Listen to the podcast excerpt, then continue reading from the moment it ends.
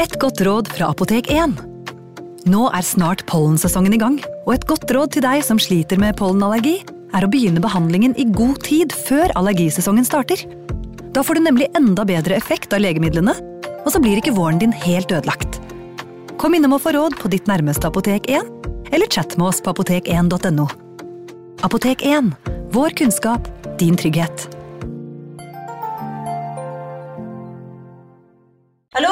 Jeg kommer fra Oslo politikammer. Ine Jansen er purk. Er du purk? The motherfucking bitch. Alt jeg vil, er å finne ut hva som skjedde med mannen min. Jon Carew. Er jeg sikta for noe? Iben Akeli. Det er du. Ole So, Lars Berrum og Big Daddy Karsten. Hvem sin side er du på, egentlig? Anette Hoff, Tone Danielsen, Kommer du fra Afrika? Jørnis Josef, Nesten. Kløfta. Trond Espen Seim, Det er synd å si det, men det var feil mann som døde. Purk.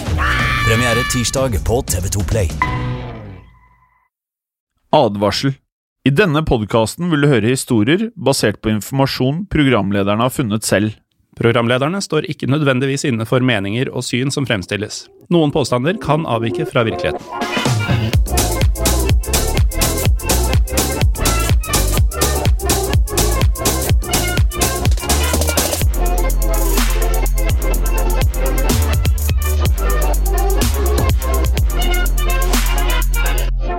Velkommen til ukas episode av Historiepodden med meg, Morten Galaasen. Og meg, Jim Fosheim. Hei, Jim. Hei, Morten. Hvordan går det? Jo, det går fint.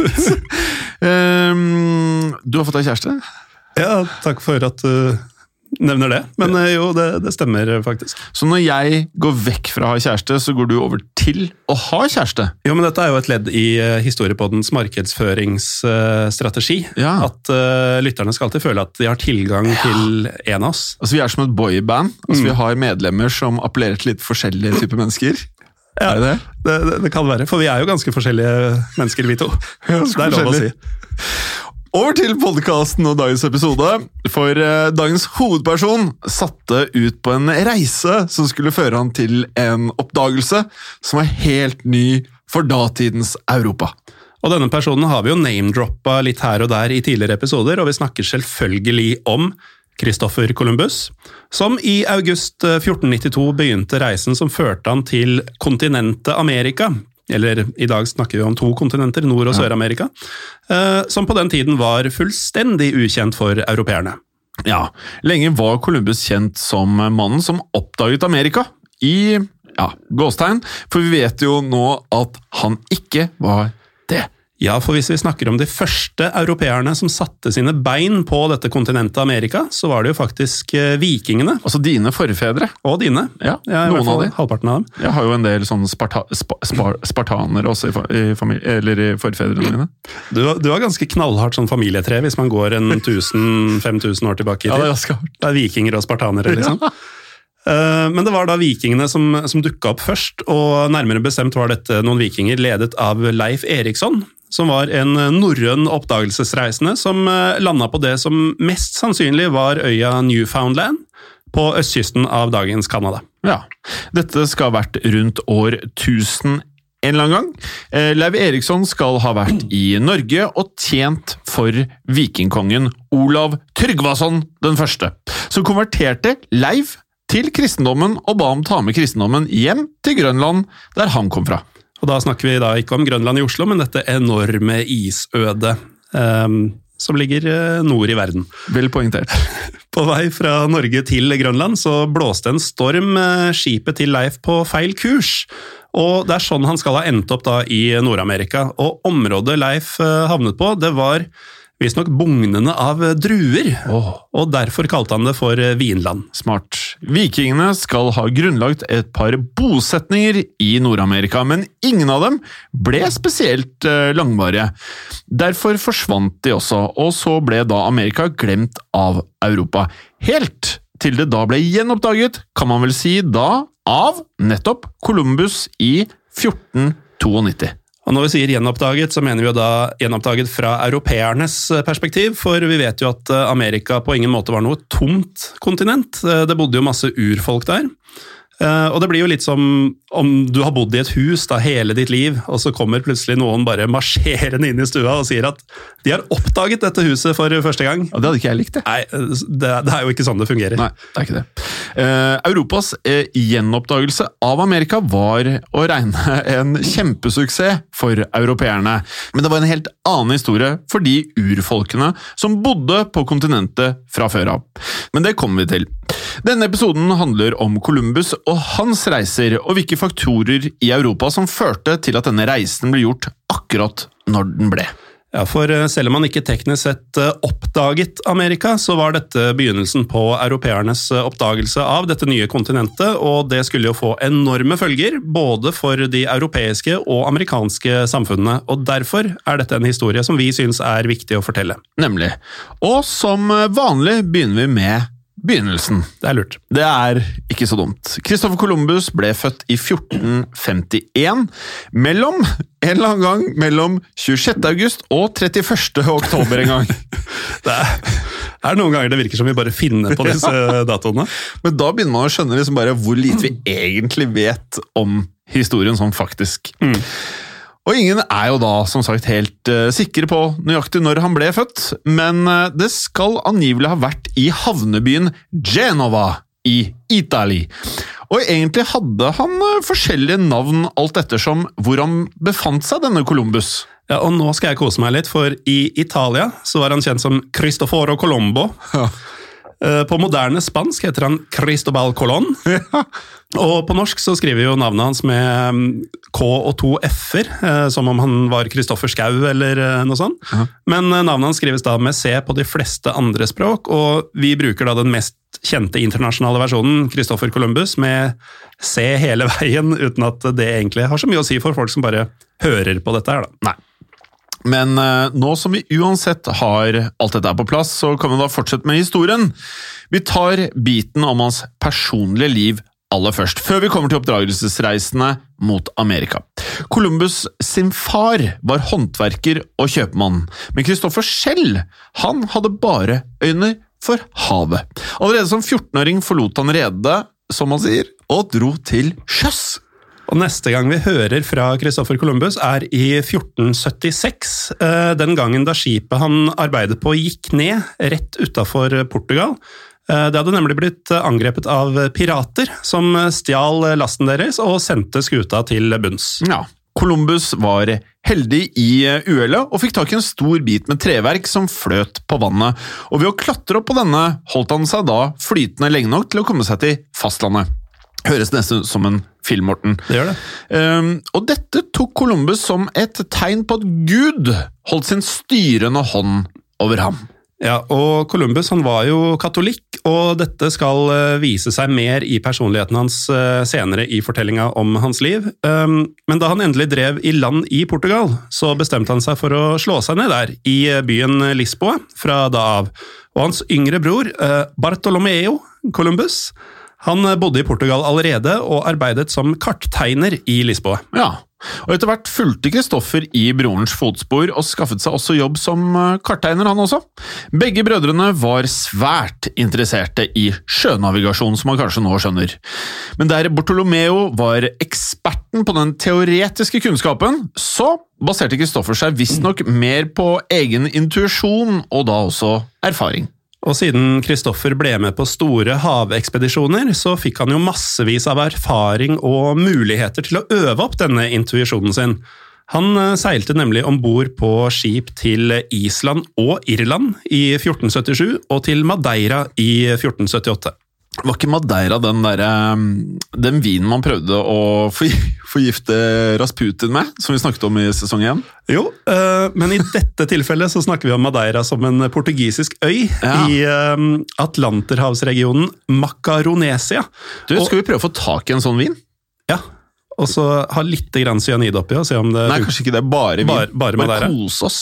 Ja, det kan vi prøve på. Ja, jeg tenker det. Ja. Hvis det er noen lyttere der ute som har tilfeldigvis litt uh, av denne vinen liggende, så ta så DM oss på Instagram, mm. så kan vi drikke litt sammen. Ja, kommer vi og drikker med deg, din.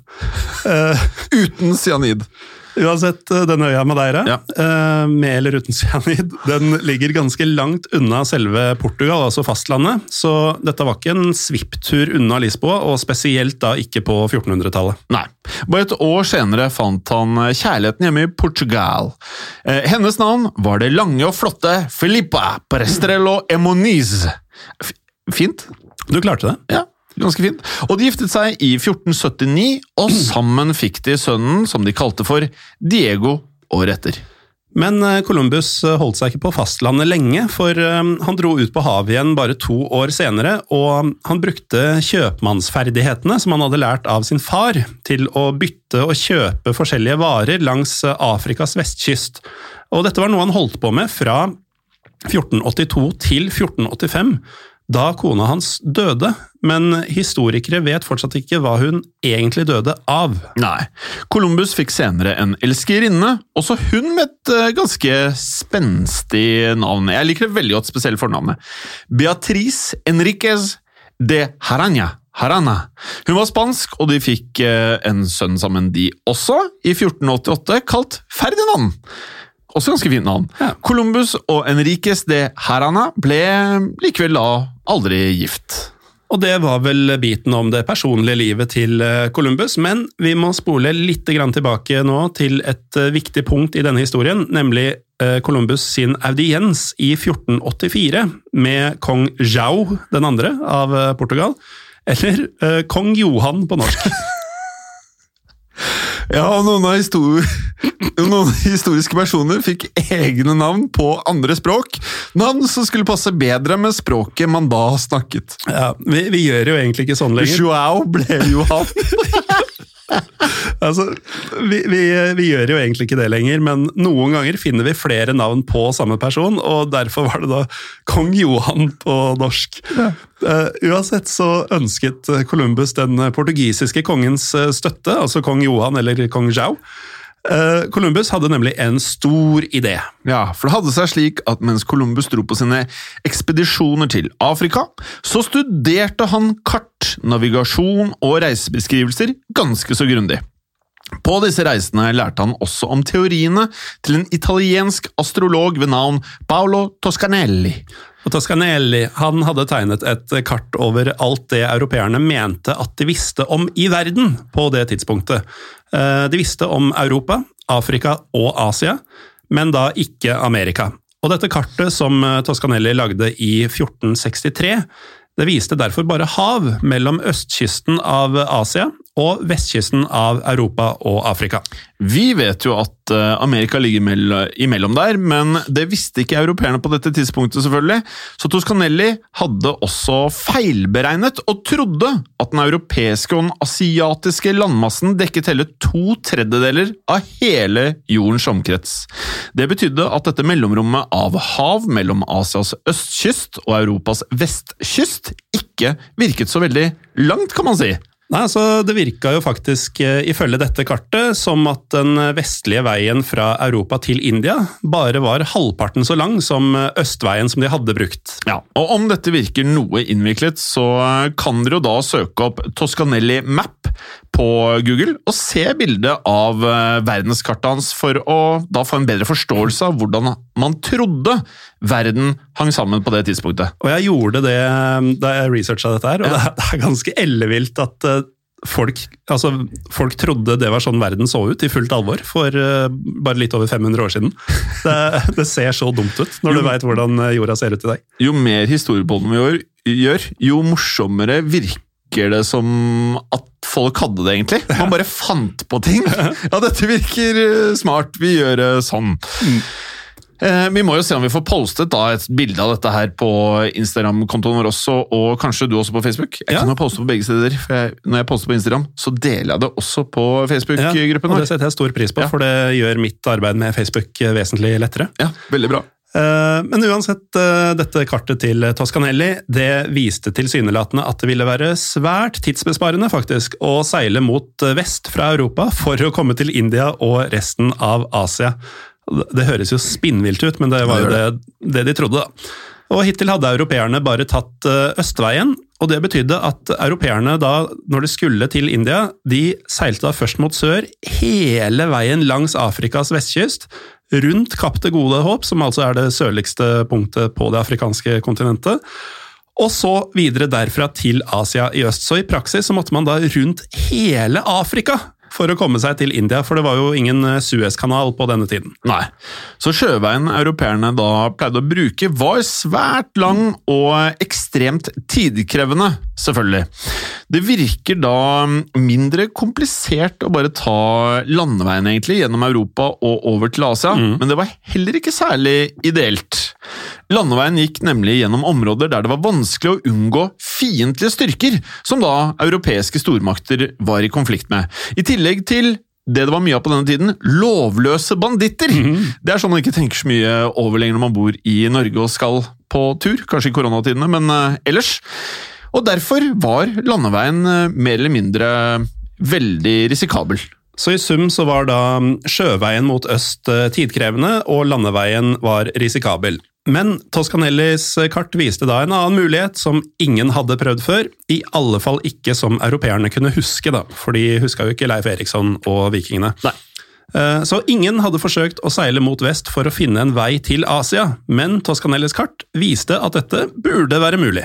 Dette var teorier som Columbus mente var svært, svært interessante. Han diskuterte teorien ivrig med broren sin, og ble oppglødd over muligheten til å reise over havet mot vest. Columbus han forsøkte å regne på avstanden vestover fra Europa og til Asia, og kom frem til at dette ikke var så voldsomt langt, og burde være en bedre og raskere vei enn sjøveien mot øst.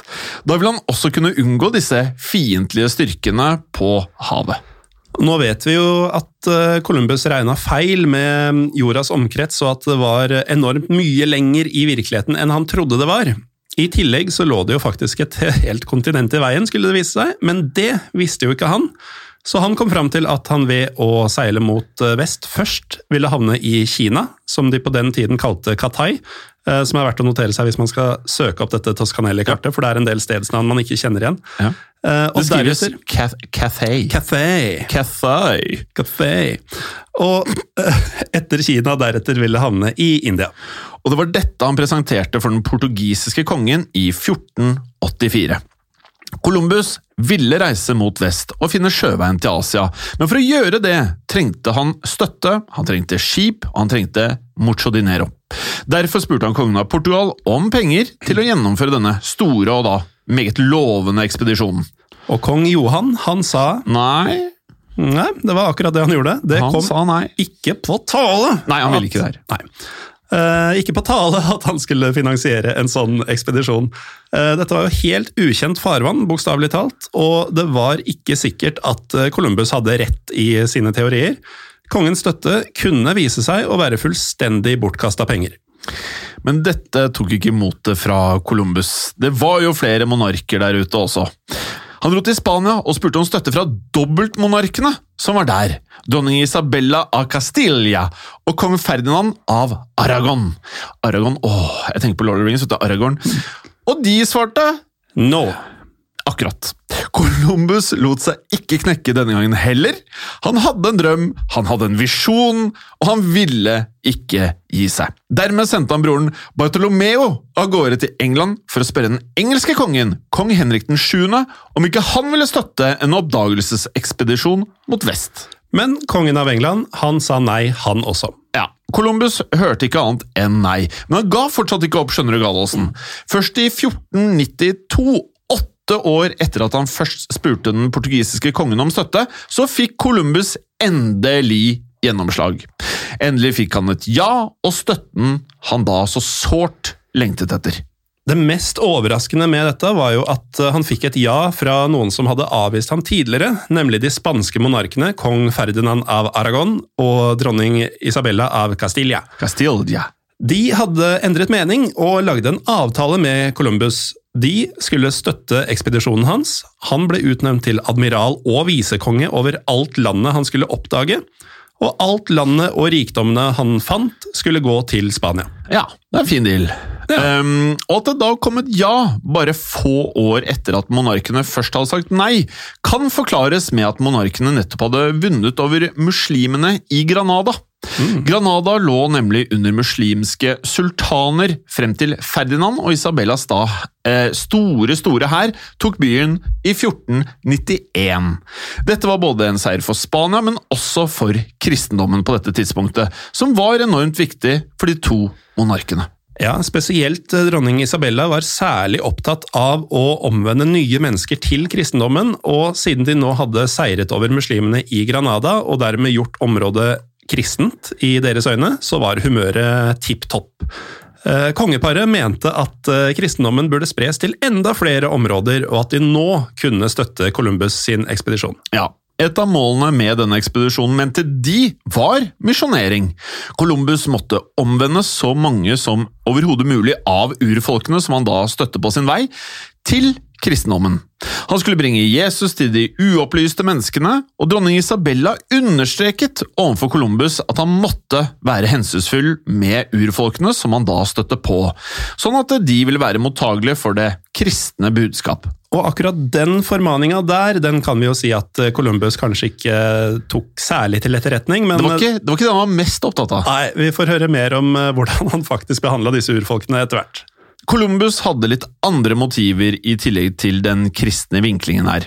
Han var opptatt av æren og berømmelsen ved å oppdage en vestvei til Asia, og dessuten hadde han blitt lovet litt av dette gullet han håpet å finne på ekspedisjonen. Og En liten sånn eh, link til en annen episode vi har, Morten, er jo mm. den om Den røde baron. Ja. Fordi det historien viser seg, er jo nettopp dette om man kaller det ego, jeg vet ikke, men berømmelse og rikdom det har drevet mange folk til å gjøre da mye av de tingene vi elsker å prate om i Historiepodden. Definitivt. Sånn som det at vi lager Historiepodden også. Det er fordi vi ønsker berømmelse og rikdom. Og rikdom, ikke minst. Nei, ja, vel. Det meste skulle selvsagt gå til kongeparet, men 10% av alt gullet Columbus fant, eller fant i gåsetegn, som vi skal høre mer om, skulle da gå rett i hans egne lommer. Ja, og det, det, var jo ikke sånn at monarkene ikke var opptatt av å få denne rikdommen og prestisjen eh, som Columbus sin ekspedisjon skulle bringe med seg selv. Eh, de var like tørste på rikdom og berømmelse, de. Begge deler var eh, svært viktige for dem, og Columbus sin lovnad om prestisje var en av grunnene til at de gikk med på å støtte ekspedisjonen. Ja, de var bare veldig spente på muligheten til å da sikre kristendommens fremgang her også, da. Det ville være det samme som økt makt for kongeparet. I tillegg ville en rask vestvei til Asia være en stor seier over den muslimske verden, som var kongeparets aller bitreste fiende. Stadig sterkere muslimske riker og styrker sto i veien for paret, og hadde nærmest stengt europeernes vei til Asia over fastlandet. Det var derfor også europeerne som oftest seilte rundt hele Afrika for å komme seg til Asia. Så man forstår jo det at eh, å finne en ny vei og gå helt utenom de muslimske landene ville være en seier for kristne europeere i disse monarkenes øyne.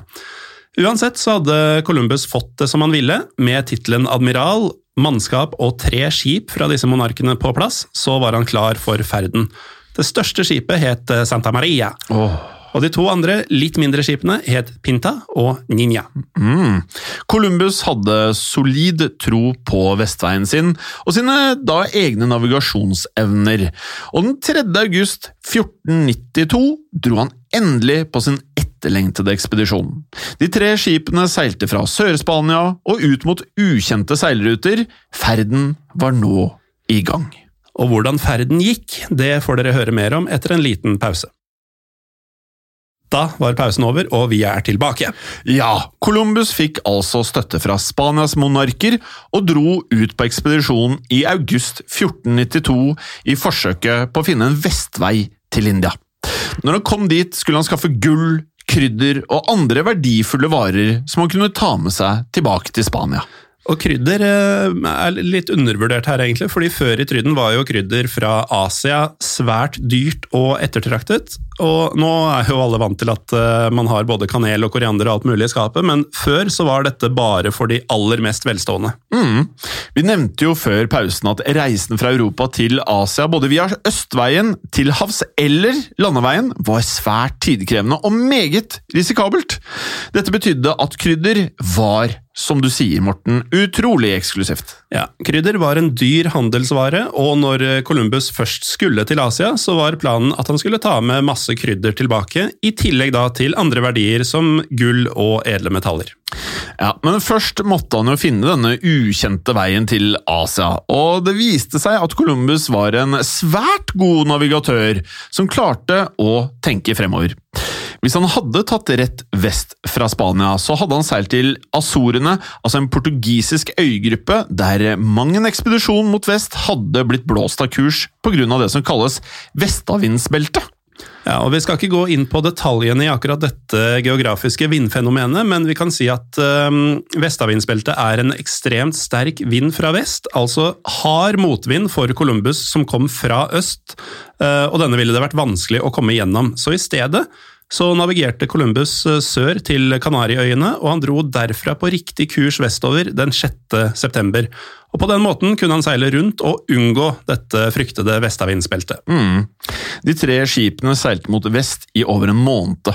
Reiser tok jo da åpenbart mye lengre tid eh, da enn de gjør i dag, men etter så lang tid begynte Columbus sitt eh, mannskap å bli utålmodige og bekymret for om rett og slett matrasjonene ville strekke også til tilbakeveien. Men så smilte lykken til Columbus og mannskapet. Den 12. oktober fikk de øye på en øy. Ja. Og De gikk i land, og Columbus var overbevist om at han hadde kommet til en øy utenfor India. At han hadde klart det, ja. at han hadde nådd India ved å seile mot vest. Ja, eller vel. Han hadde klart noe, det er jo sikkert deg, men eh, det var ikke en indisk eh, øy han hadde nådd. Hvis du reiser vest fra Europa, over Atlanterhavet, er det etter hvert nemlig noe som ligger i veien for deg om du vil til Asia. Nemlig hele kontinentet som vi i dag kaller Amerika. Ja. Eh, Columbus visste ikke den gang, men han hadde nettopp satt sine bein på en øy rett utafor et helt kontinent som datidens europeere ikke ante eksisterte. For det han trodde var en indisk øy, var nemlig en av Bahamasøyene uh, utafor dagens uh, Florida. Ingen har funnet ut nøyaktig hvilken av Bahamasøyene Columbus først satte beina på, men mange mener det sannsynligvis var det som heter Waitling Island i dag. Columbus trodde da han hadde kommet til India og planta flagget sitt godt i bakken på øya. Og denne øya han hadde kommet til, den var på ingen måte folketom, for han støtte på noen innfødte som kalte øya de var på for Guanahani. Uh, uten at han brydde seg noe særlig om det. Han døpte i stedet øya San Salvador. Ja, Det er et gjennomgående trekk dette her, at verken Columbus eller hans samtidige europeere brydde seg noe særlig om hva de innfødte mente eller kalte stedene de bodde. Og siden Columbus trodde han var i India, ja, da kalte han de innfødte han fant der for indianere, noe som sånn sett kanskje kan gi mening på den tiden. I dag kaller vi dem heller for uramerikanere, som er da mer presist og riktig i dag. Ja. Men eh, Columbus gjorde ikke stort annet på øya i Bahamas enn å plante flagget sitt og gi de innfødte et noe misvisende navn. Han var nemlig ikke interessert i å bli på denne øya lenge. Han hadde det travelt, for han ville dra videre til det som europeerne kalte Zipangu så fort som mulig. Ja, Zipangu høres nok ikke spesielt kjent ut for lytterne våre, men Columbus refererte faktisk her til dagens Japan. Han hørte uramerikanerne snakke om en stor øy, og han mente det var ja, det var nødt til å være Japan, så han seilte ditover med alle skipene sine. Uten at vi helt vet om Columbus og urbefolkningen klarte å forstå hverandre, siden de da selvfølgelig ikke pratet samme språk. Nei, men uansett hvordan de gjorde det, så fikk de innfødte kommunisert retninga mot en stor øy, som jo selvsagt ikke var Japan. Men uramerikanernes navn på denne øya vil nok høres kjent ut for lytterne denne gangen. For da de snakket med Columbus om denne store øya, så kalte de den for Cuba. Ja, Da vet vi definitivt hvilken øy det er snakk om. selvfølgelig. Cuba ligger jo ikke langt unna Bahamasøyene.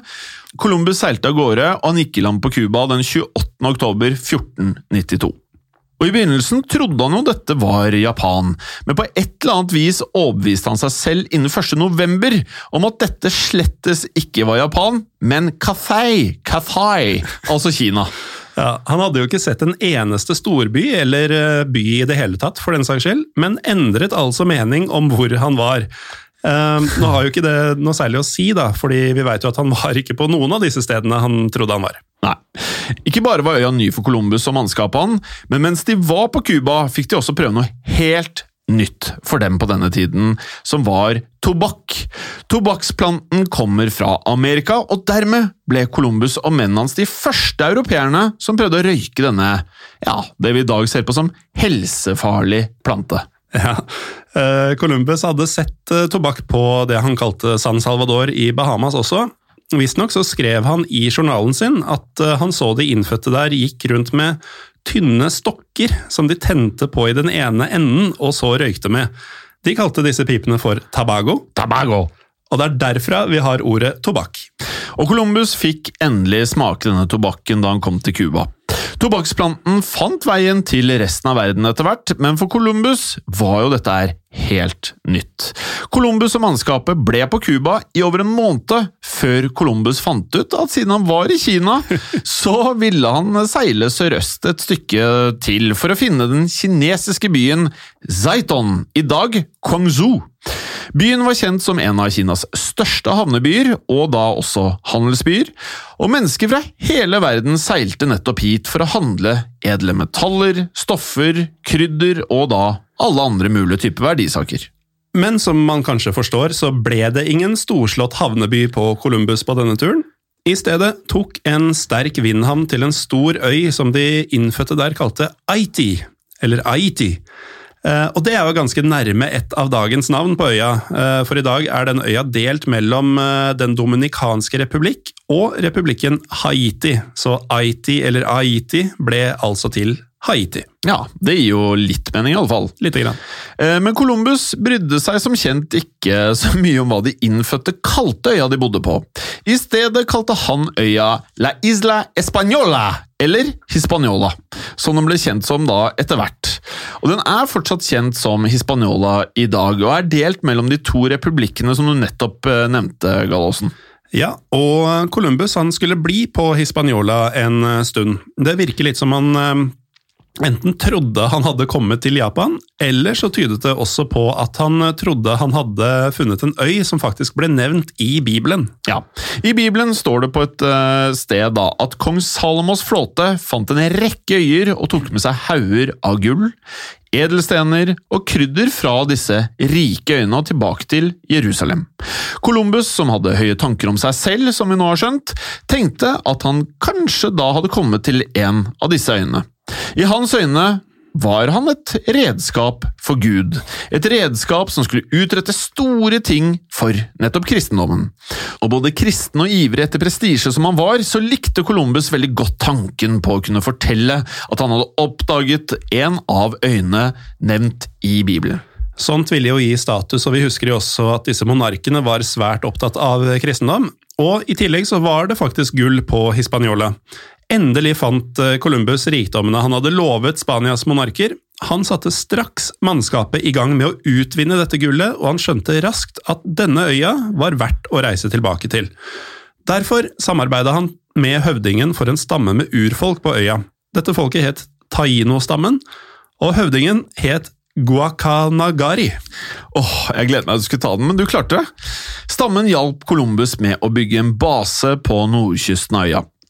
Det høres så hyggelig ut at de, ja, de to folkeslagene inngikk et vennlig samarbeid, men hjelpen han fikk, hindret ikke Columbus i å tvinge med seg medlemmer av urbefolkningen på øya som slaver. Ja, for slaver var en del av verdiene europeerne ofte tok med seg ute på oppdagelses- og handelsreiser. Columbus skulle senere finne enda flere måter å utnytte urbefolkningen på. Da denne basen på Hispaniola var ferdig, satte Columbus igjen 39 menn til å vokte den. Han hadde nemlig samlet opp nok gull, og nå hadde han tenkt seg tilbake til Spania. Han og mannskapet forsøkte å dra den 25. desember 1492, men ved et uhell klarte de å kjøre skipet Santa Maria på grunn på øya, slik at det ble ødelagt og at det slettes ikke kunne brukes. Heldigvis hadde de to skip til, så etter å ha lastet om, så begynte endelig hjemreisen mot Spania den 16. januar 1493. Ja, og denne gangen seilte de med vestavindsbelte, som vi nevnte tidligere. Det vil si at de eh, ville få medvind tilbake til Europa. Derfor skulle hjemreisen gå veldig glatt, sånn i teorien. Ja, det var i hvert fall planen, men eh, havet er jo lunefullt, og i midten av februar så ble de to skipene truffet av en kraftig storm. Skipet Ninja, som Columbus var på, ble tvunget vekk fra det andre skipet, og Columbus søkte tilflukt i de portugisiske øyene som vi nevnte tidligere, Azorene. Han og mannskapet gikk i land der for å be, og mens de holdt på med det, så dukket portugisiske myndigheter plutselig opp og arresterte dem alle sammen. Ja, for myndighetene trodde de var pirater! Columbus fikk heldigvis ryddet opp i denne misforståelsen, og noen dager senere fikk de gå fri og dra av gårde igjen. Men skipet var såpass skadet at eh, de måtte derfor søke tilflukt for reparasjoner i Lisboa. Kong Johan 2., som hadde sagt nei til Columbus om å støtte ekspedisjonen ni år tidligere, krevde at Columbus skulle komme til ham og forklare seg. Og dette gjorde Columbus, og deretter fikk han dra, men mange så mistenksomt på at han hadde fortalt den portugisiske kongen om hva han hadde oppdaget. Portugal og Spania var nemlig ikke venner på denne tiden, de var faktisk rivaler. Så mange spanjoler anså Columbus som lite annet enn en upålitelig utlending. Noen trodde dette møtet betydde at Columbus egentlig hadde samarbeidet med Spanias erkerival, men det hindret ikke prestisjen og jubelen i å regne over Columbus så fort han nådde Spania. Han kom nemlig dit den 15. mars, og hans reise gjennom Spania til Barcelona, hvor monarkene bodde, det var nærmest å anse som et uh, triumftog. Ja, Han ble mottatt med begeistring og fest, for alle trodde jo at han hadde vært i India og Japan, inkludert han selv. Ja, faktisk ble Columbus så godt mottatt, og utsiktene til de nye rikdommer var så stor at Spanias monarker skulle sponse hele tre ekspedisjoner til. Columbus skulle dra ut på ytterligere tre reiser i sitt liv, først som en bejublet mann, men senere skulle pipen få en helt annen lyd. Ja, Den eh, tredje og fjerde reisen skulle preges av opprør og alvorlige anklager mot eh, Columbus, og han skulle også tilbringe en del av reisene sine i lenker. Og hvordan han gikk fra å være Spanias nye stjerne til en mann folk så på med stor mistenksomhet, det skal dere faktisk få høre om i neste episode av Historiepodden. Ja, Det er greit å legge til at vi, vi klarte rett og slett ikke å få plass til alt dette her i en eh, episode, så det blir det eh, til. Så vi kan jo si det sånn at uh, den her er jo på iTunes og Spotify. Neste episode kommer jo da på Podme, og det var ikke sånn at vi da la opp til at det skulle bli sånn. Denne her kom i rekkefølgen og var planlagt for lenge siden, faktisk. Ja, det, det har bare blitt sånn tilfeldigvis, egentlig. Ja. Um, Men nå har vi jo skjønt at veldig mange av dere faktisk er på Podme også. Så, um, heldigvis. Hvis, ja, heldigvis. Og hvis ikke, så har dere i hvert fall en enkeltstående episode som den står seg fint selv også. Ja, ja. Så det er jo ikke uh, ille, det heller.